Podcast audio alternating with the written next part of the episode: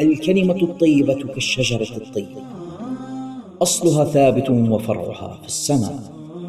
تؤتي أكلها كل حين بإذن ربها. هكذا وصفها ربنا سبحانه وتعالى في محكم كتابه العزيز. والكلمة الطيبة صدقة.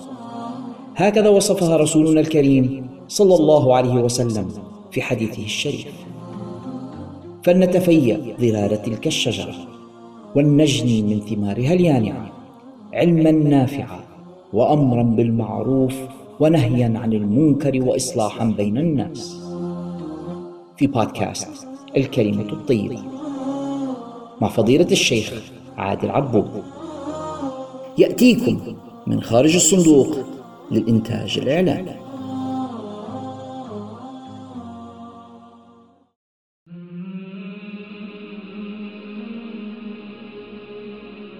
الحمد لله رب العالمين حمدا يوافي نعمه ويكافئ مزيده.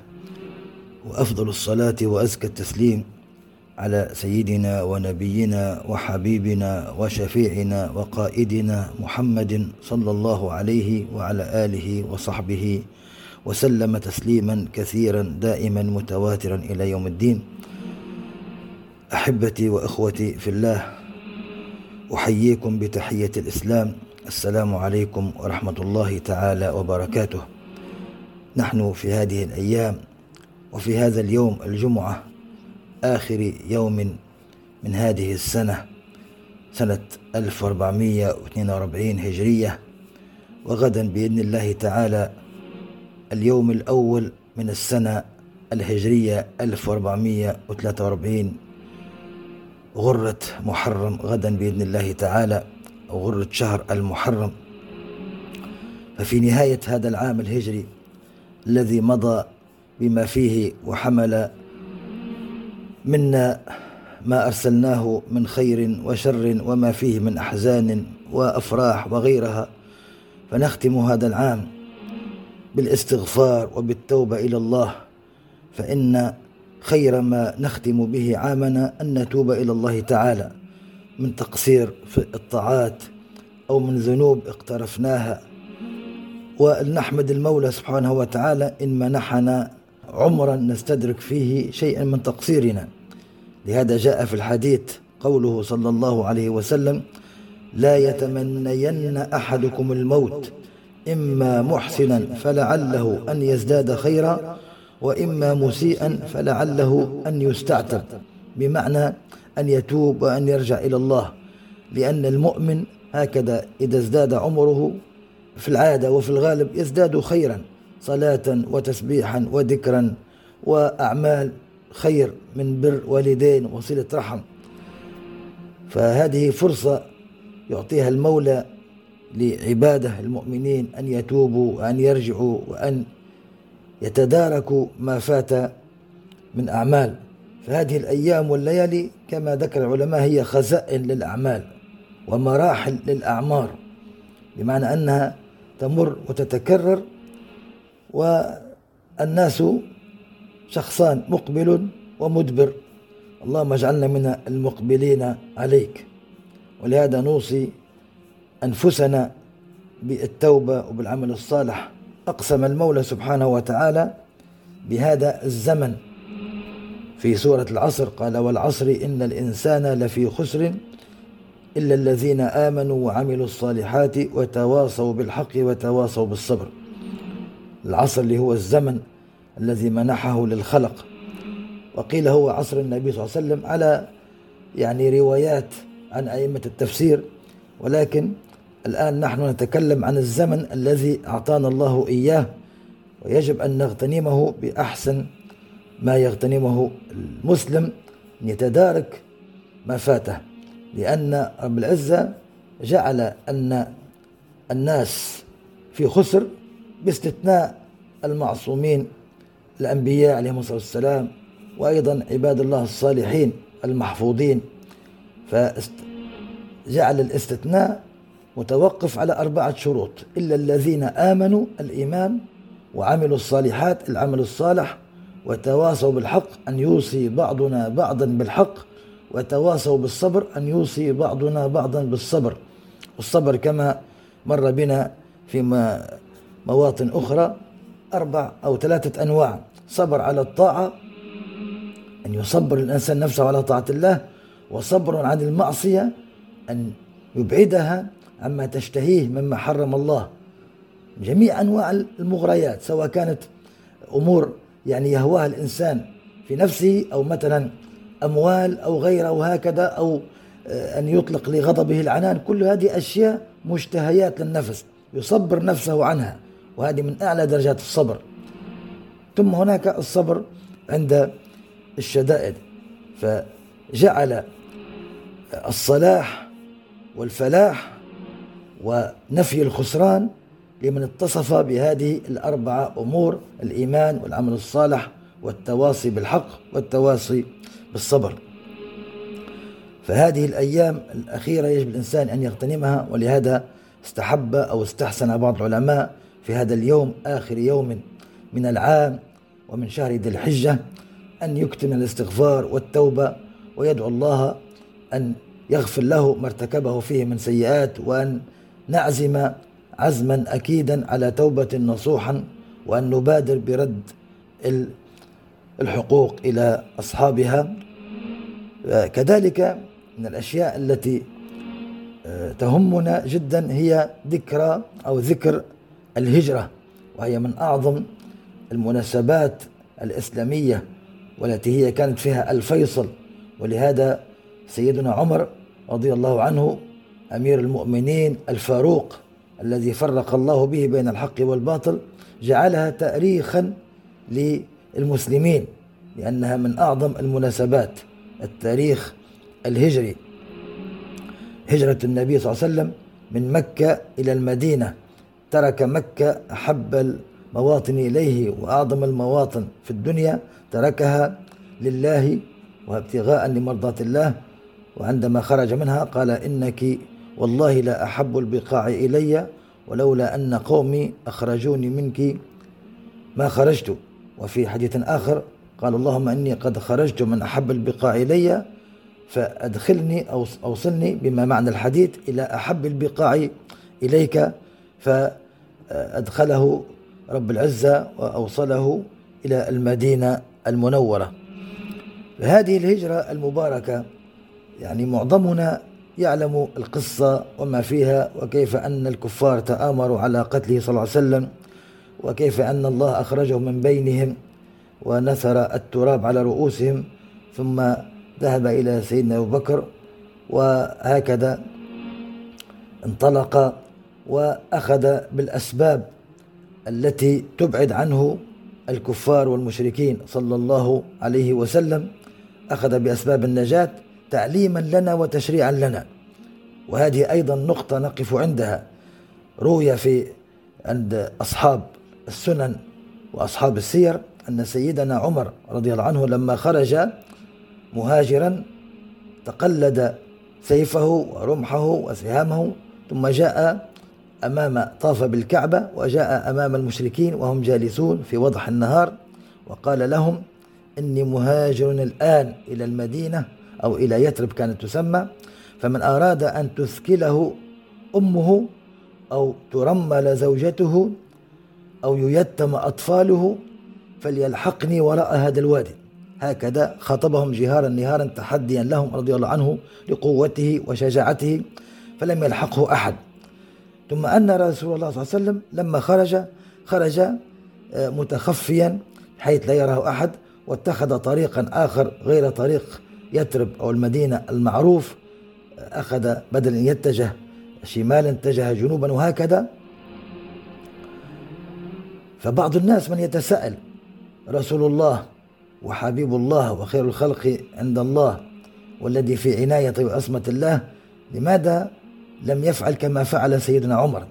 الجواب عن هذا أن سيدنا عمر رضي الله عنه مع أنه في أعلى مراتب الصحبة رضي الله عنه ولكنه مع هذا هو واحد من هذه الأمة فتصرفاته ليست تشريعا للغير.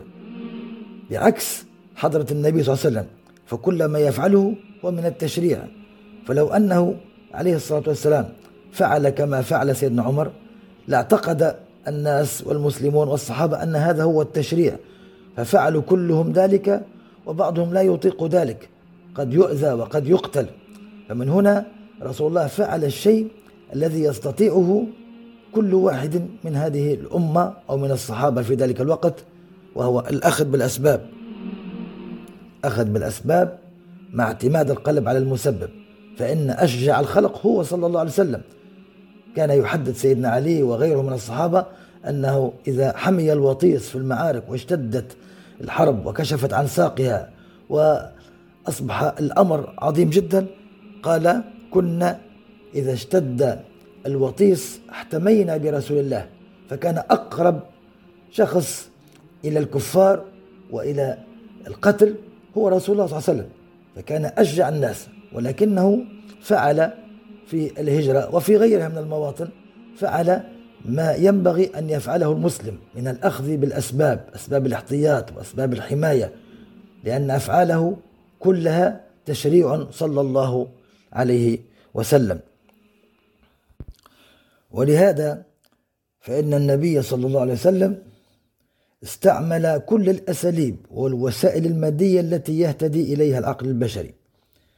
جميع الأساليب استعملها أخذا بالأسباب. لم يترك وسيلة إلا اعتد بها.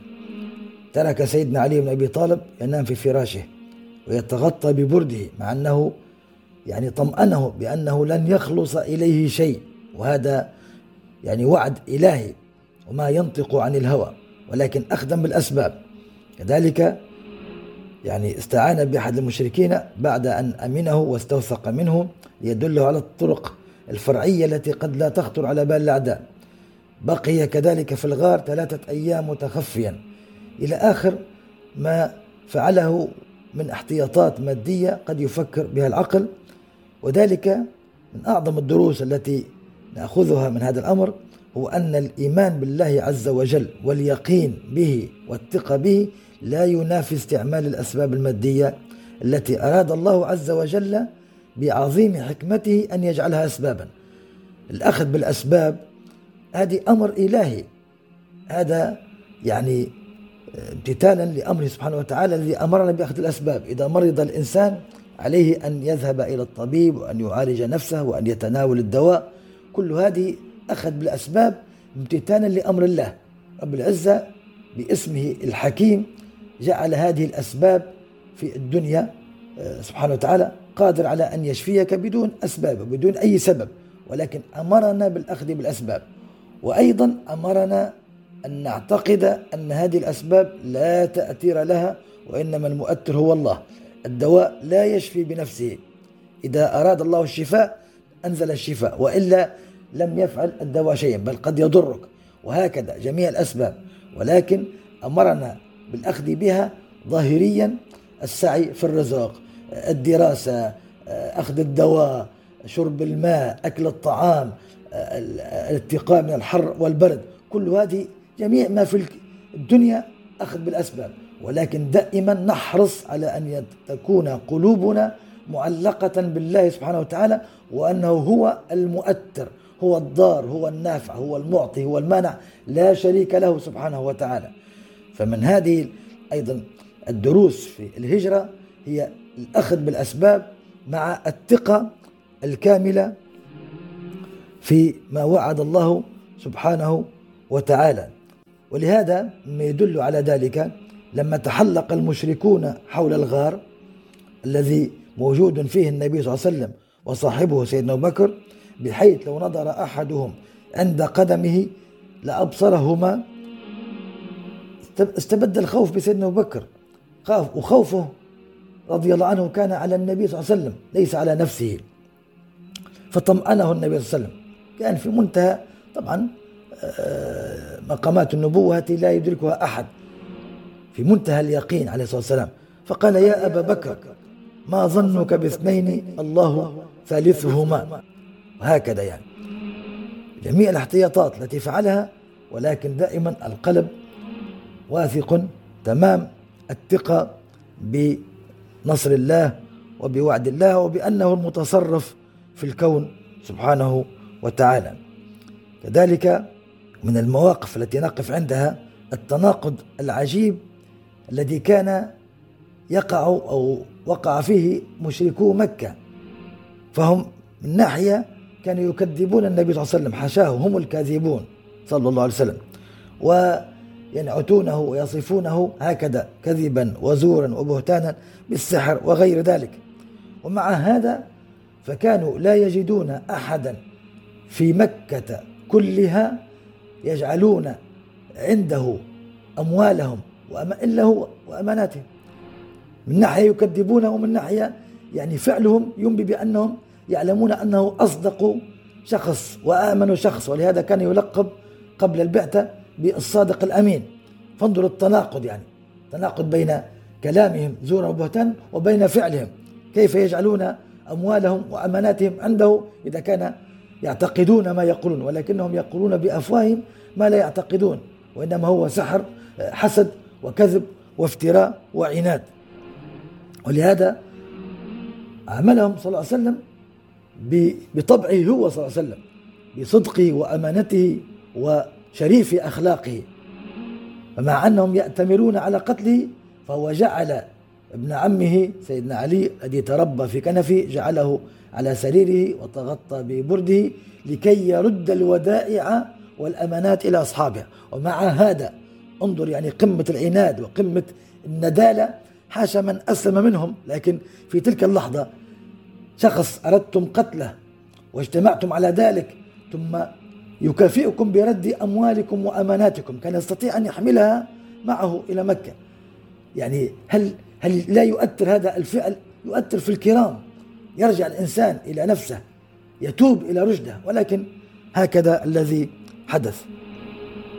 ثم أيضا ننظر مكانة سيدنا أبو بكر رضي الله عنه عند رسول الله صلى الله عليه وسلم أنه يعني أحب أصحابه إليه ولهذا اختاره أن يصاحبه إلى غير ذلك أنه جعله يصلي مكانه في حال مرضه و يعني أشياء كثيرة تدل على أنه أقرب الصحابة إلى رسول الله صلى الله عليه وسلم.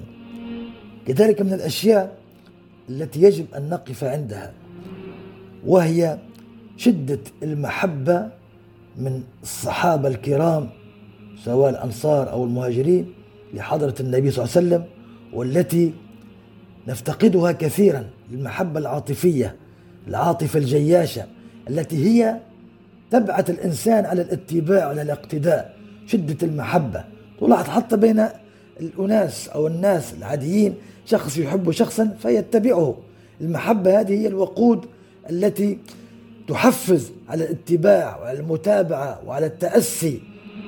بعض الناس من يعتقد أنه مجرد فعل السنن أو مجرد هي هذه المحبة وليس في قلبي ذلك الشيء وأحيانا يفعله مجرد لي لا.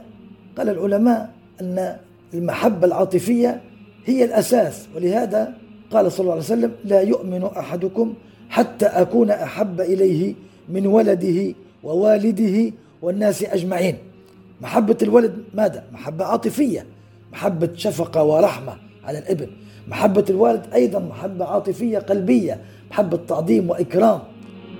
ومحبة الناس بعضهم لبعض أيضا. فهذه التي يريدها النبي صلى الله عليه وسلم وهي التي تدفع الإنسان إلى التأسي وإلى ترك الأشياء التي يحبها لأجل حبيبه صلى الله عليه وسلم. فالتأسي وفعل السنن والاتباع هو تابع لهذه المحبة. ليس بعدها وإنما هو تابع لها ليس هو قبلها. نشاهد هذه المحبة في استقبال الصحابة رضي الله عنهم. كانوا يخرجون كل يوم من الصباح في حر الشمس والظهيرة ينتظرون إلى الغروب. كل هذا من المحبة. هل هذه فيها من اتباع؟ هل فيها أمر نبوي؟ كله ينتظرون هكذا. المحبة جعلتهم ينتظرون في حر الشمس حتى تأتي الغروب. فيرجعون لبيوتهم ثم يأتوا في الصباح الثاني. كل يوم هكذا. حتى طلع عليهم صلى الله عليه وسلم بطلعته البهية فجاشت العواطف وانطلقت الألسنة تهتف بالقصائد والأهازيج فرحا لمرآه عليه الصلاة والسلام.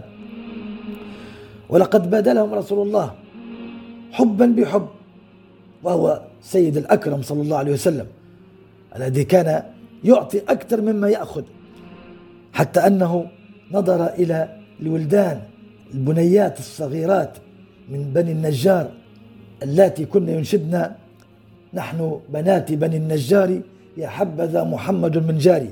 فقال لهم هكذا يعني من باب جبر الخواطر رسول الله أعظم الخلق عند الله يتواضع ويتكلم مع بنيات صغيرات. يقول لهم أتحببنني؟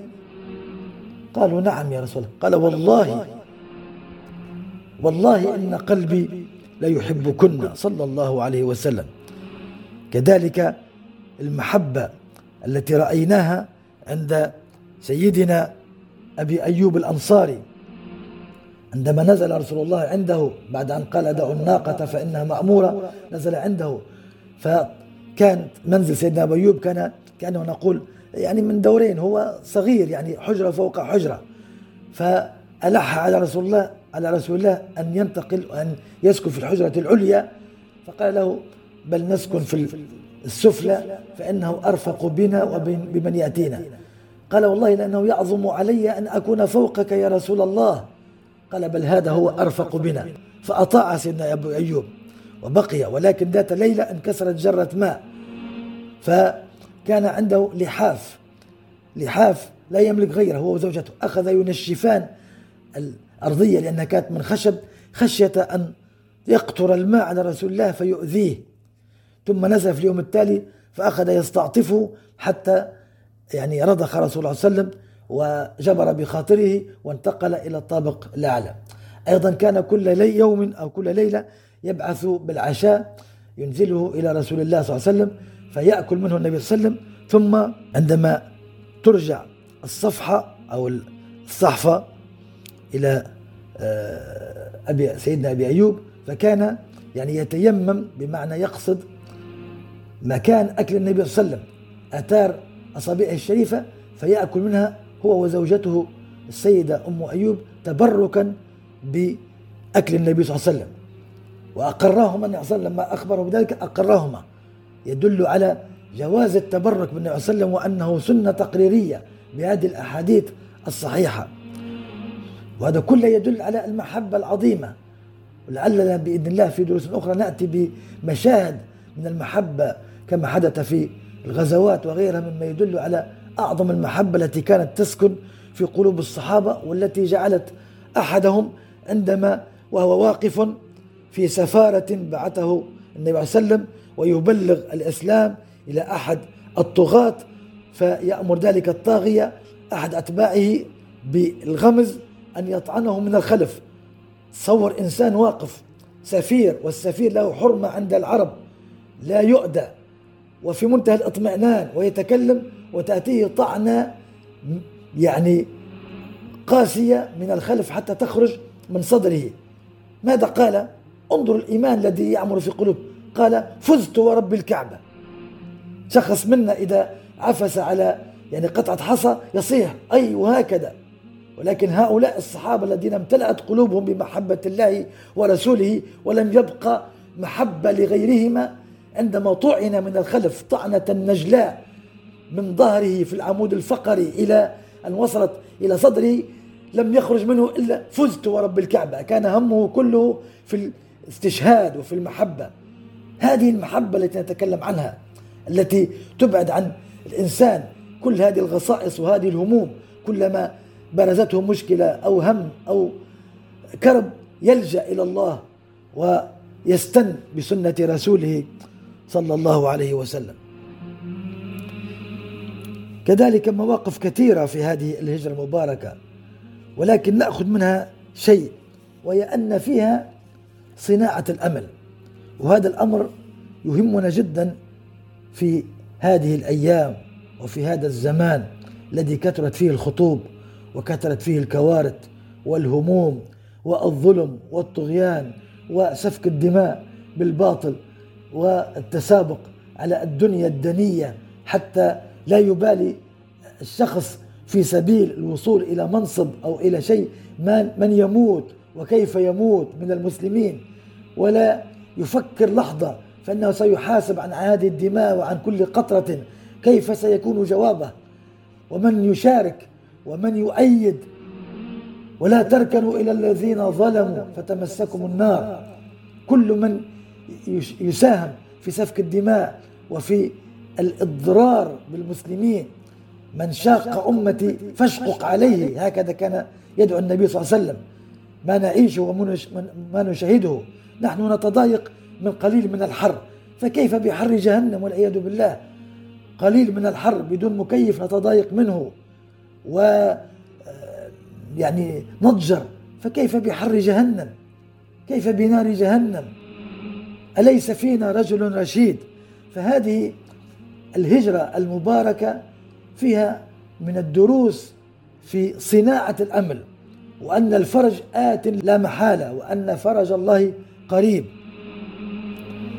لما المشركون داروا بحجرة النبي صلى الله عليه وسلم وخرج وهو يذر التراب على الرؤوس المستكبرة التي أرادت قتله وهو يقرأ قوله تعالى وجعلنا من بين أيديهم سدا ومن خلفهم سدا فأغشيناهم فهم لا يبصرون.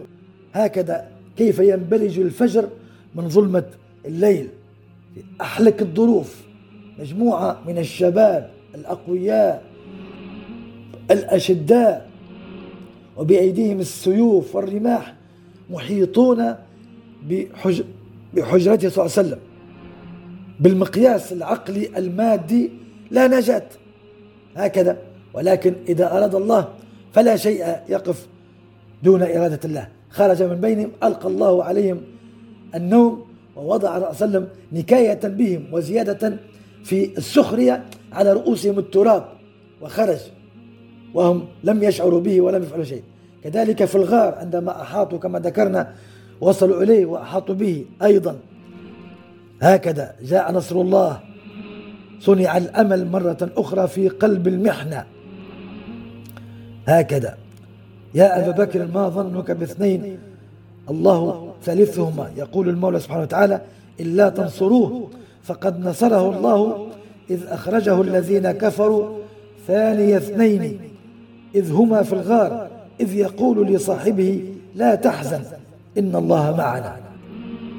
خطوات فقط تفصل بين الكفار وبين رسول الله وصاحبه سيدنا بكر ومع هذا عناية الله تعبى ذلك.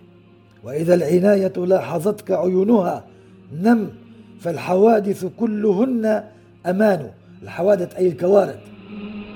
دائما نلجأ إلى عناية الله. نلجأ إلى الله نتب إلى الله. ما نحن فيه من بلاء ومن مصائب ومن ضيق ومن ظلم كله يا إخواننا كله بسبب ما نرتكبه من معاصي. والله لو رجعنا إلى الله لكشف ذلك عنا. ولكن لننظر أيضا في أحوالنا. أبسط شيء فيما بيننا بين الابن وأبيه بين الجار وجاره بين الأخ وأخيه في الطرقات كيف يظلم بعضنا بعضا. كيف كل منا يريد مصلحة نفسه ويضرب بالآخرين عرض الحائط؟ هذا كله ينعكس. كيف تلوم أصحاب السلطة وما يفعلونه؟ وأنت أيضا تفعل وأنا أيضا أفعل ما يفعلونه من أنانية ومن ظلم ومن تقصير. إذا لا ألوم بل ألوم نفسي. ما أصابكم من مصيبة فبما كسبت أيديكم. ويعفو عن كثير كما يقول المولى سبحانه وتعالى. أيضا مما وجد في هذه الهجرة من صناعة الأمل عندما لحق بهما لحق بالنبي صلى الله عليه وسلم سيدنا بكر لحق بهما سراقة ابن مالك. لما سمع بال بما سيعطى مئة من الإبل لمن يأتي بهما هكذا وعد أبو جهل عليه لعنة الله فرعون هذه الأمة. فسمع بهذه العطية فلحق وكان خبيرا بالطريق لحق بهما.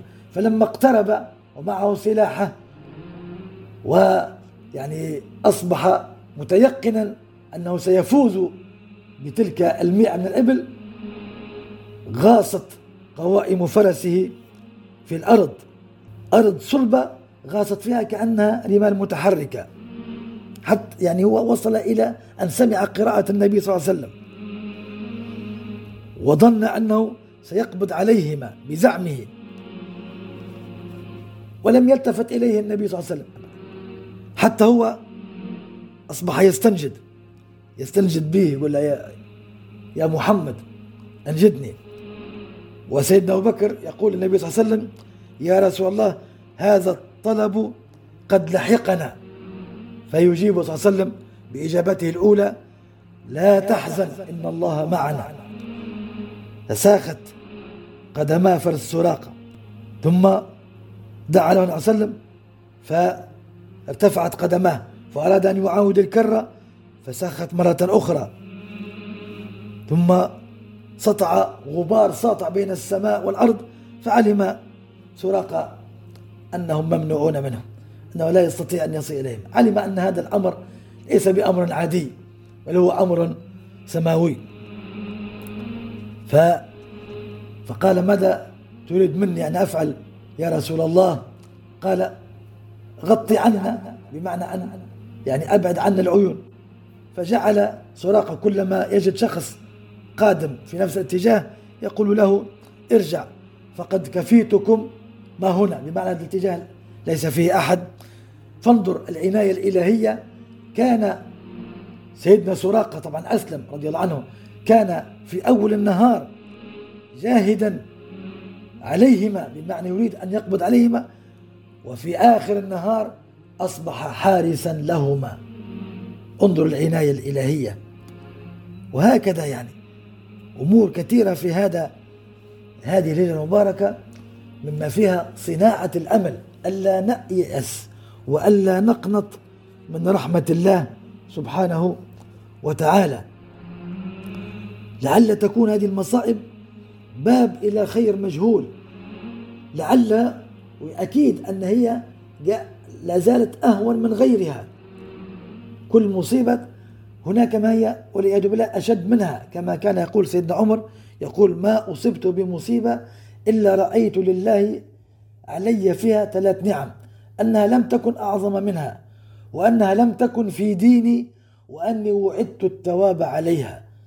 انظر الصحابة كيف كان نظرهم كيف كان إدراكهم. المصيبة انظرون إليها كأنها منحة لا محنة. يقول أنها لم تكن أكبر منها. إنسان يعني أصيبت سيارته بحادث بسيط كان يمكن أن أن يكون حادث أكبر. كان يكون أن تفنى السيارة جميعها. كان كان يمكن أن يكون أن يصاب هو أو أن يكسر منه يد أو رجل أو أن يبقى معاقا أو أن يموت نهائيا أو أن هكذا مازال كل مصيبة مازال أعظم منها والعياذ بالله. فلما تأتي المصيبة الإنسان يتذكر هذا الجانب لكي تهون عليه أنه لم يكن أعظم منها. ثم أنها لم تكن في ديني. أعظم المصائب وأشدها والعياذ بالله المصيبة في الدين. أن الإنسان يفقد دينه أن يخرج عن دينه وأن يترك ما أوجب الله عليه أو أن يؤذي المسلمين مثلا. شخص متنعم بجميع النعم. لا تناله مصيبة من مصائب الدنيا ولكنه يؤذي المسلمين ويظلمهم هل هذا رابح؟ هذا خاسر أشد الخسران لأنه سيتمتع في هذه الدنيا أيام قلائل متاع الدنيا قليل ولكن ينتظره العذاب والعياذ بالله بما آذى المسلمين وهذا الأمر يشمل الجميع كلنا ليس من يأتي بالنوافل أو يأتي بالصلوات في الجامع مثلا أو مثلا يأتي ببعض السنن كالإزار أو اللحية وهكذا وغيره. يعتقد أنه بمنجأ كل من آذى مسلما سيحاسب على الأذية هذه وسيأخذ ذلك المسلم أو جميع من آذاهم سيأخذون حقوقهم يوم القيامة حسنات إن كانت عنده حسنات وإلا سيؤخذ من سيئاتهم فتطرح عليه ويطرح في النار. فليراجع كل منا نفسه. لا يستند إلى سنن أتى بها لا يستند إلى عمرة أو إلى حج أو إلى غيره. أعظم الأذية هي أذية وأعظم الإثم هو أذية المسلمين. فلهذا يا إخوتي علينا أن نراجع أنفسنا وأن نتوب إلى الله.